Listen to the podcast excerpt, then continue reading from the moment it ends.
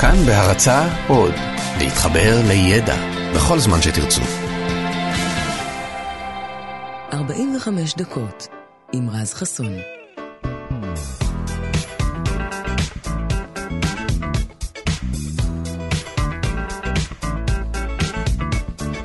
בוקר טוב לכם, יום שני בשבוע, אתם על כאן תרבות 104.9, 105.3 FM, או באפליקציה שלנו, כאן אודי, שיכול להיות שאתם מאזינים לנו גם שם, אז בוקר טוב, שבוע טוב. תקשיבו, אני לא יודע אם אכלתם אה, ארוחת ערב הבוקר, אם הספקתם, אבל אם לא, אז אתם בטח רעבים. עכשיו תחשבו רגע על הפעם הזאת שהייתם כל כך רעבים, שכבר לא היה אכפת לכם מה תכניסו לפה, כל עוד זה יסגור לכם את הבור הקטן הזה בבטן. עכשיו, מבלי לדעת כמה רעבים באמת הייתם באותה הפעם, אז אני יכול להגיד לכם שאם לא הגעתם למצב שבו אתם אוכלים את עצמכם, אז כנראה שלא הייתם רעבים מספיק. מה שאי אפשר להגיד על יצורים אחרים בטבע, שבמקרים מסוימים יכולים לאכול, כן כן, גם את עצמם.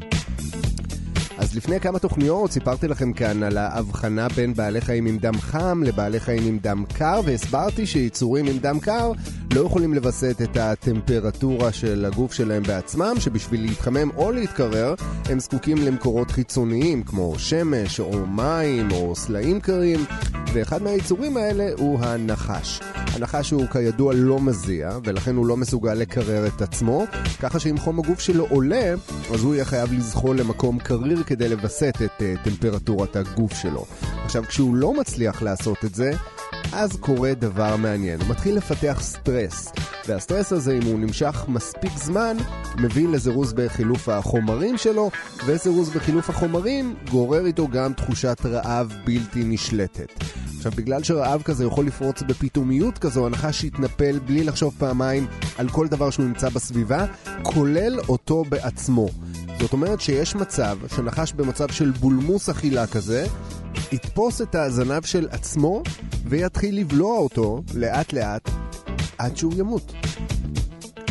אז המחזה הזה כבר ביוון העתיקה קיבל את השם אה, אורברוס, שפירושו אה, בולע זנב. אה, ועד היום הוא נחשב לסימבול שמייצג המשכיות ומעגליות. אתם מכירים את זה, בטח ראיתם לו פעם קעקוע של נחש שבולע את עצמו. אז בכל מיני תרבויות זה דווקא סוג של סמל להמשכיות, לזה שהסוף תביא, ת, תמיד מביא איתו גם התחלה חדשה, גם דרך להסתכל על זה. חוץ מלנחש, שלא זה לא מביא שום דרך uh, חדשה. Uh, אנחנו uh, מתחילים עכשיו, אנחנו יוצאים לדרך עם עוד דברים מעניינים שנביא לכם בהמשך. ירדן מרציאנו על התוכן, גדל לבנה על המוזיקה, לי קוראים רז חסון, ואנחנו פותחים שעון. 45 דקות יוצאות לדרך.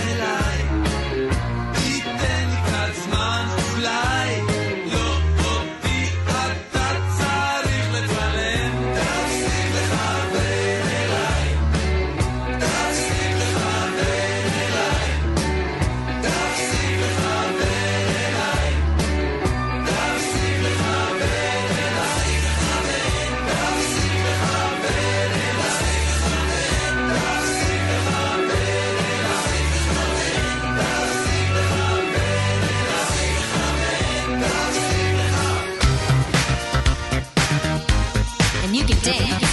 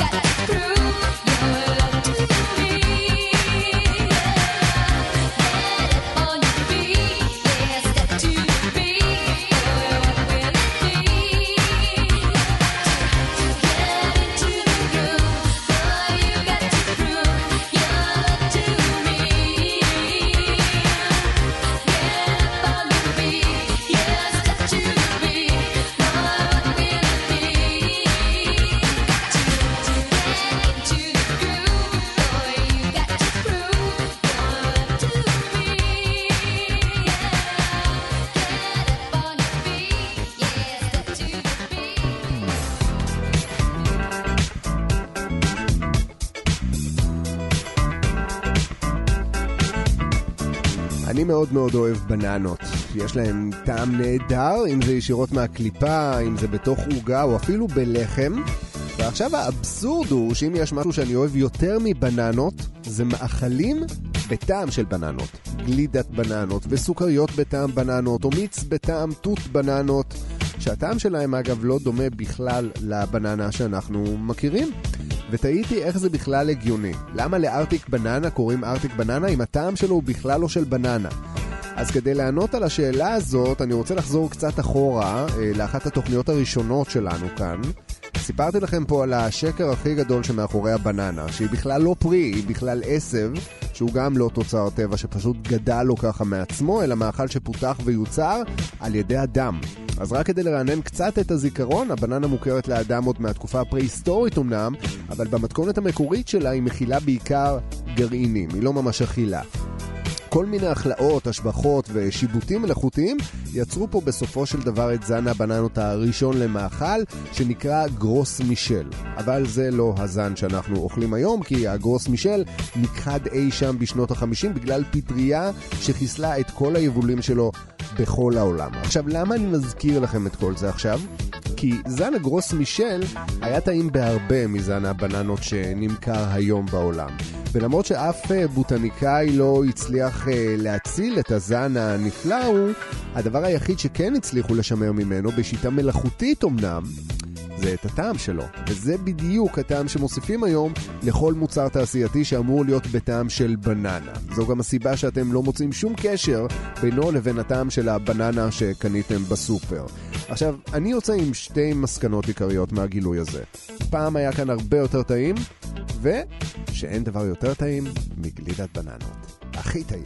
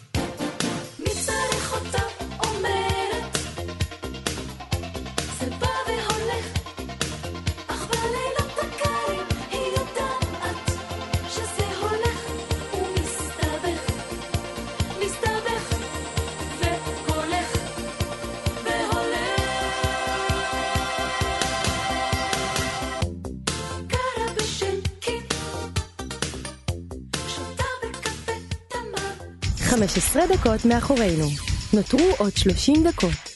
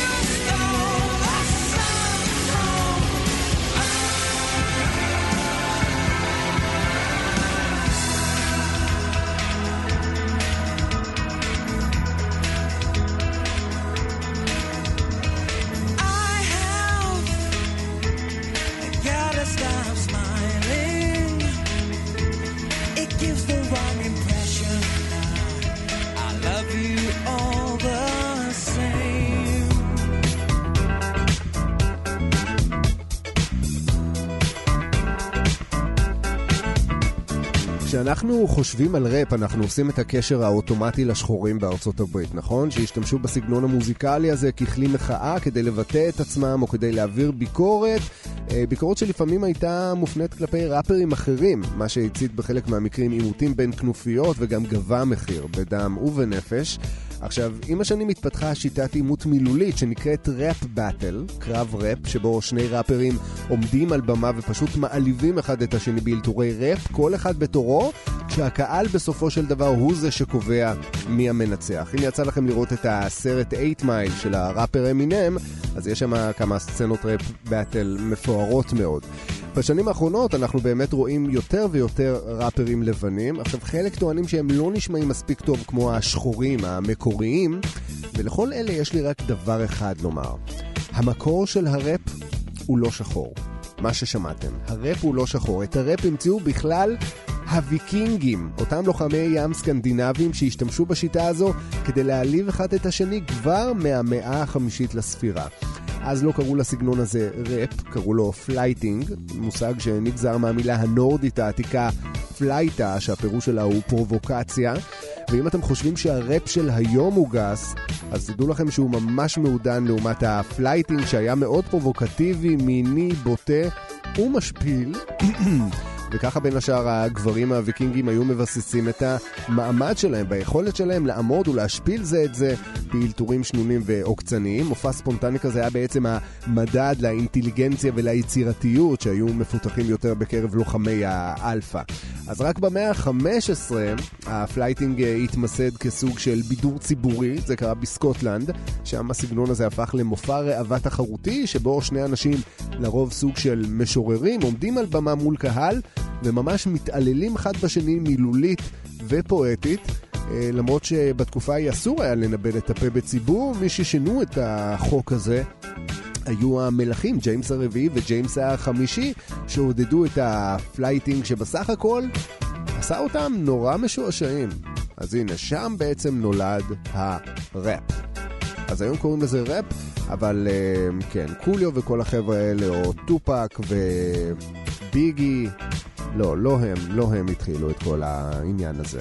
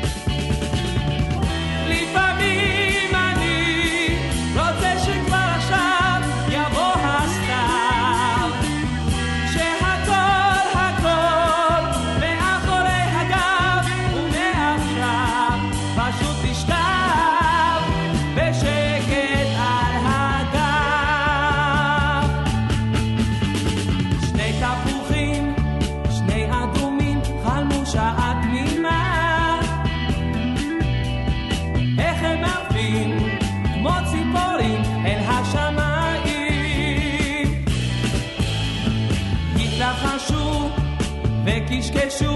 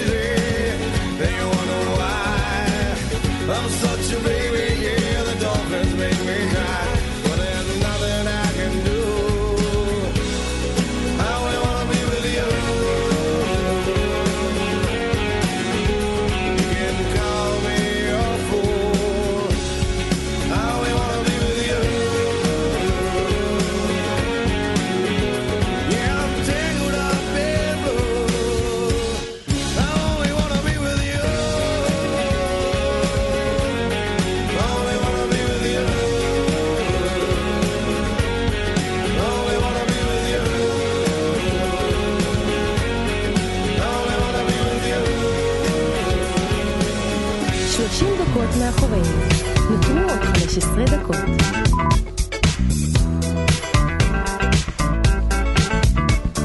כשאני מקבל חבילה בדואר, אני מתרגש כמו ילד שקיבל מתנה. לא משנה שזו מתנה שאני קניתי לעצמי, ושאני גם יודע מה יש בקופסה, אז אה, לא בדיוק הפתעה. אה, וזה לא שזה מייחד אותי, כן? אני לא מיוחד בזה. אני בטוח שגם אתם אה, ממש מתמוגגים מהודעת ה-SMS שמבשרת לכם על החבילה שממתינה לכם בסניף הדואר. עכשיו, החולשה הזאת שלנו לחבילות ולדברי דואר גם נוצלה כמה פעמים לאורך ההיסטוריה על ידי אנשים ממש רעים. כמו למשל בשנת 2001, כשתושבים בארצות הברית קיבלו בדואר מעטפות עם אבקה לבנה שנחשדה כאנטרקס. אתם בטח זוכרים את התקופה הזו, שהלחיצה גם אותנו כאן בישראל, אבל זאת לא הייתה הפעם הראשונה שבה אנרכיסטים ניצלו את שירותי הדואר כדי לפגוע באנשים. המתקפה המפורסמת ביותר בחסות הדואר התנהלה בין השנים 1978 עד 1995, כשאנרכיסט אמריקני בשם טד קצ'ינסקי הרג שלושה בני אדם ופצע כ-20 נוספים באמצעות מעטפות וחבילות נפץ שהוא שלח אליהם. אז uh, כמו לא מעט מטורפים אחרים, גם uh, קצ'ינסקי היה סוג של גאון. הוא התקבל להרווארד כשהיה בסך הכל בן 16, וכבר אז הוא היה נחשב לבחור קצת מוזר, עם מעט מאוד חברים. הסביבה כמובן הציקה לו ולעגה לו, והוא מצידו ספג את הכל, והתחיל לתכנן את הנקמה הגדולה שלו בחברה. אז את הפצצה הראשונה הוא שלח למרצה להנדסה שלימד באוניברסיטת נורת ווסטרן. מהפיצוץ אה, נפצע קשה דווקא מאבטח שהרים את החבילה עבורו. בשנת 1985 הוא שלח חבילת נפץ לסטודנט לתואר שני בשם ג'ון האוזר, שהיה גם קפטן בחיל האוויר האמריקני. כשהחבילה התפוצצה הקצין איבד ארבע אצבעות וגם עין אחת. באותה השנה קצ'ינסקי הפך כבר מאנרכיסט לרוצח של ממש, כשבעל חנות מחשבים בקליפורניה נהרג מפיצוץ פצצת מסמרים שקצ'ינסקי הניח במגרש החנייה של העסק שלו. בסך הכל, לאורך כל תקופת הפעילות שלו, קצ'ינסקי שלח 16 חבילות לנמענים שונים שייצגו בעיניו את הארגונים שבהם הוא רצה לנקום. בשנת 1996 קצ'ינסקי פנה באופן אנונימי לעיתונים הניו יורק טיימס, הוושינגטון פוסט ואפילו למגזין פנטהאוז ודרש מהם לפרסם מאמר שחיבר תוך הבטחה שהוא יפסיק עם הפעילות שלו. אז הטיימס והפוסט הסכימו לדרישה שלו ופרסמו את המאמר שהיה סוג של מניפסט שבו הוא שטח את האידיאולוגיה שלו וגם היה זה שבסופו של דבר הפיל אותו. גיסתו של קצ'ינסקי, אשתו של אחיו, שקראה את המאמר, הרגישה שהניסוח והרעיונות שמובאים בו מאוד מוכרים לה. אז היא סיפרה על החשדות שלה לבעלה, שבהתחלה התקשה להאמין שאחיו קשור לאירועים האלה, אבל אחרי שגם הוא קרא את המאמר, כבר לא היה לו צל של ספק שאחיו הוא-הוא הרוצח. אז הוא פנה ל-FBI ואמר שהוא מוכן לחשוף את זהות הרוצח אם יבטיחו לו שלא ייגזר עליו עונש מוות ושלא יחשפו לעולם מי הסגיר אותו. אז החבר'ה מה-FBI הבטיחו, אבל לא לגמרי קיימו, כי זהותו של המסגיר אה, הודלפה. במהלך המשפט קצ'ינסקי פיטר את אה, עורכי הדין שלו שטענו כי הוא לא שפוי, הוא ביקש לנהל את ההגנה בעצמו. אה, הוא נמצא בסופו של דבר כשיר לעמוד לדין ונגזר עליו עונש מאסר אולם ללא אפשרות חנינה, אה, עונש שאותו הוא מרצה עד היום.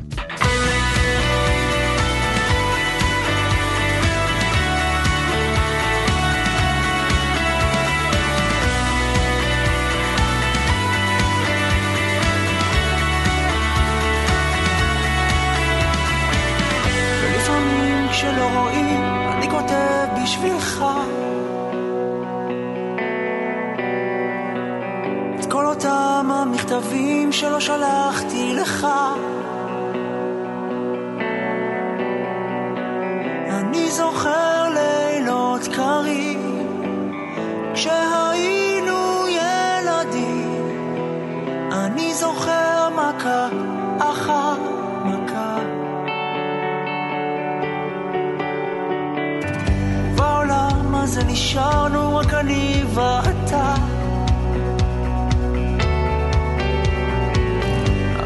המשפחה שהתפרקה, מחלה שגדעה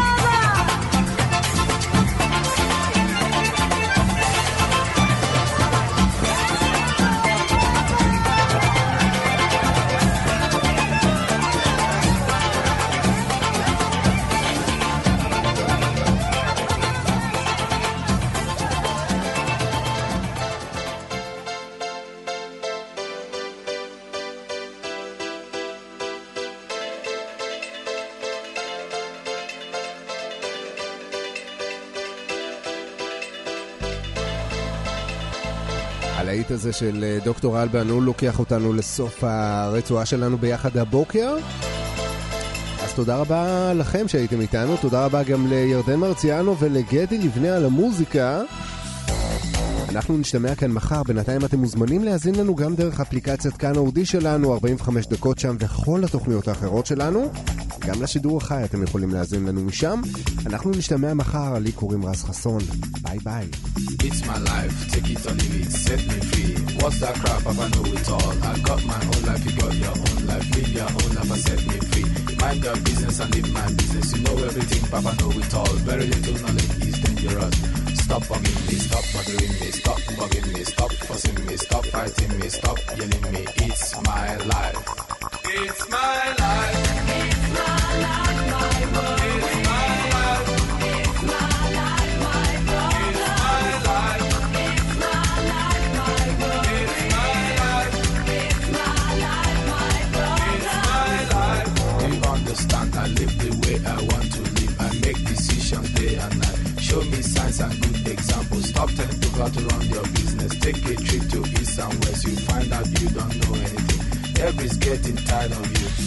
The out